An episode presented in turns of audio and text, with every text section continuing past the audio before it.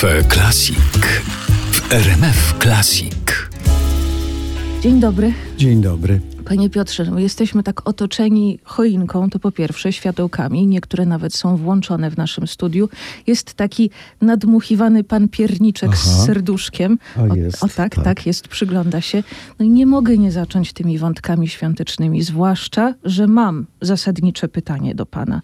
Czy No, pan no. jest z drużyny, która wszystko na choinkę ładuje, czy uważa pan, że minimalizm? E, Minimalizm, minimalizm, ostrożność, te, tak, tak.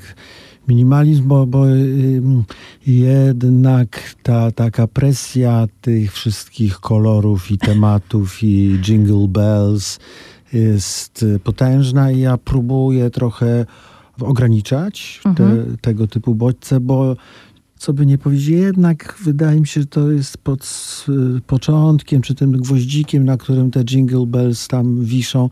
Ten gwoździk jest, wydaje mi się, dosyć poważny.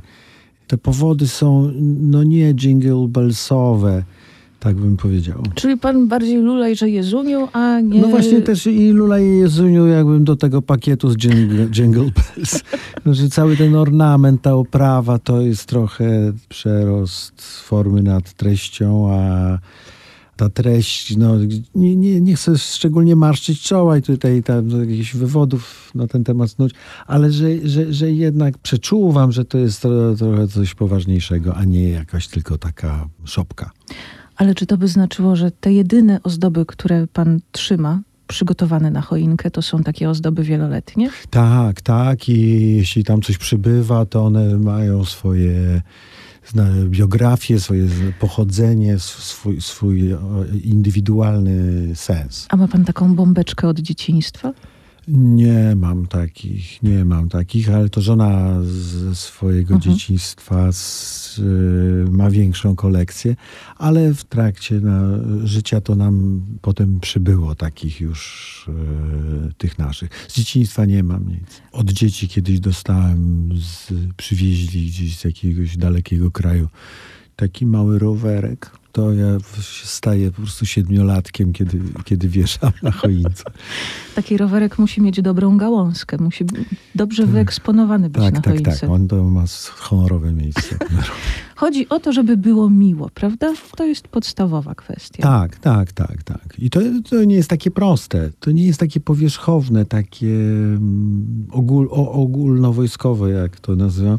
To, to, to jest sztuka, to trzeba trochę mieć skupienia w sobie i Łatwo właśnie mówię o tych, to o tych miło. powodach, o tym, że to jednak to dobrze jest jednak być trochę uważnym, Y, miłym. Dokładnie. I tak już zaczęłam trochę, bo to będzie niesamowita wolta w pytaniach, także panie Piotrze, proszę być gotowym na to, A że ja- tutaj się wszystko ja może mówiąc wydarzyć. o tym, to ja mówię o tym, e, co nas pewnie czeka w tej rozmowie. Ktoś, kto nas słucha, może się zastanawiać, co ma wspólnego choinka, co mają wspólnego bombki z Samuelem Beckettem.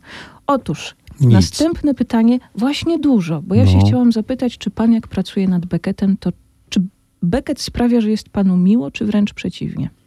No to nie jest e, miło, Mhm.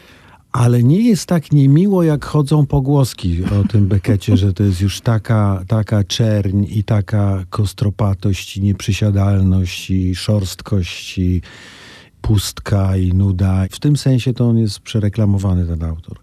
Tylko żeby do tego miło, albo do tego, do tej uwagi, do tego mm, takiego czegoś wewnątrz się tam dostać, no to trzeba pokonać, te, trzeba właśnie wygróżyć. Z, y, autor się z tym potężnie rozprawia. Te wszystkie rzeczy, które są taką kliszą, takim schematem, takim czymś obiegowym.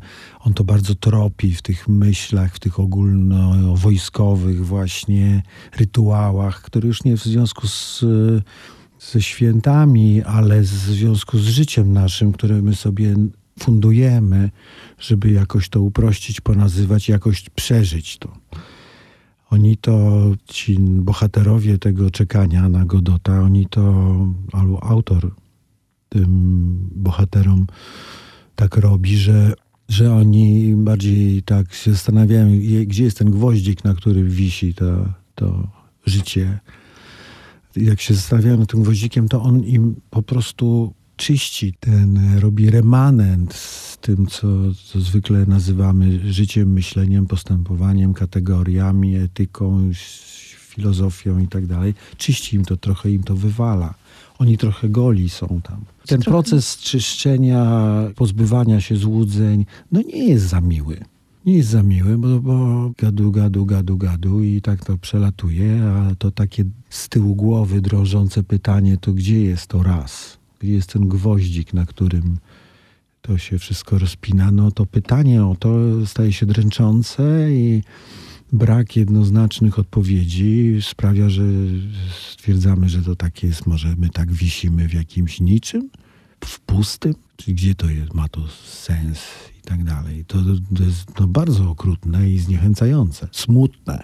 Ale sztuka nie jest taka. No właśnie, to ale. Znaczy ona taka jest, ale się okazuje, mam nadzieję, że się okazuje, że w samym tym czekaniu, w samym tym trwaniu, tam, że tam jest jakiś, uwaga, heroizm, jakaś dzielność, jakaś taka determinacja, człowieczość. I że wtedy to trudno to nazwać czymś miłym, ale to jest coś bardzo właśnie w ostatecznym rachunku poruszającego i ciepłego.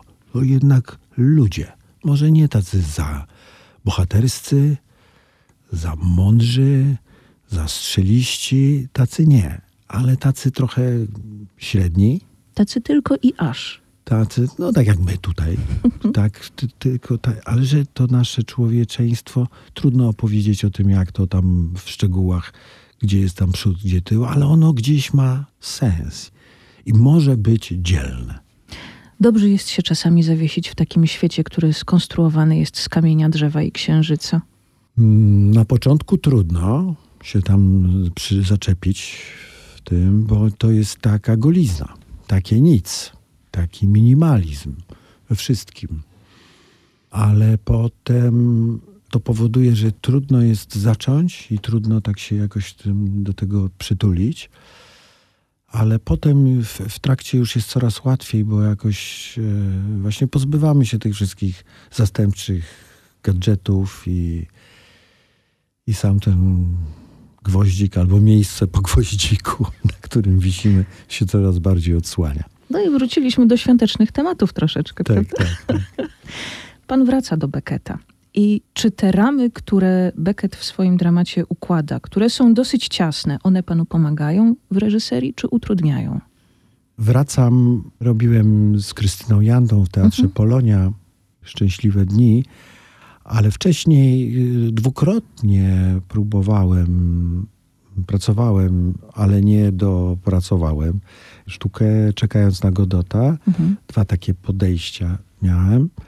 A one z różnych powodów y, się nie powiodły, nie doszło do, do premiery, ale za każdym z tych razów miałem takie poczucie, że trzeba jakoś tak zrywać te więzy z tym Beckett, trochę go nie tak pobożnie i traktować tak jakoś y,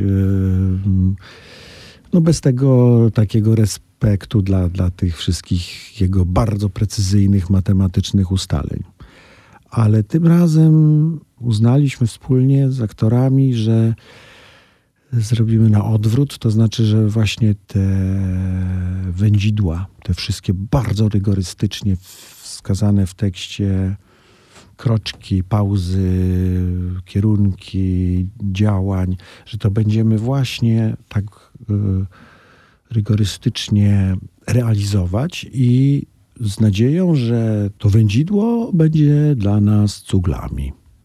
Gdybyśmy przeprowadzali teraz wywiad prasowy, to ja wiem, jaki byłby tytuł. Doczekać się na Godota. Tak, doczekać się. To jest świetny autor, mhm. fantastyczny autor, ale bardzo, bardzo to jest trudne.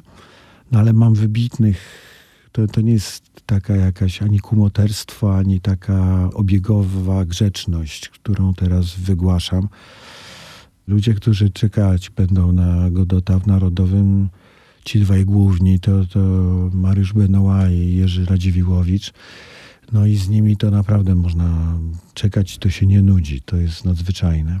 I przepraszam, wtrącę się, ale tutaj trochę pan obszedł te ramy, bo dodając taką obsadę do tej sztuki, to jest naddawanie do tego tekstu bardzo dużo, bo panowie sami sobą. Ja wiem, że może powinno się życie prywatne oddzielić od Mhm. kreacji scenicznej, ale to, że to są ci aktorzy w tej sztuce, to jakiś milion dodatkowych znaczeń Tak, dodaje. tak mi się wydaje. To znaczy, to jest też w sensie takim mm, zawodowym, e, czysto artystycznym. Tak o tym mówimy, ale ich biografie tych ludzi, ich dojrzałość, tak to nazwę, są starsi panowie, Dwaj.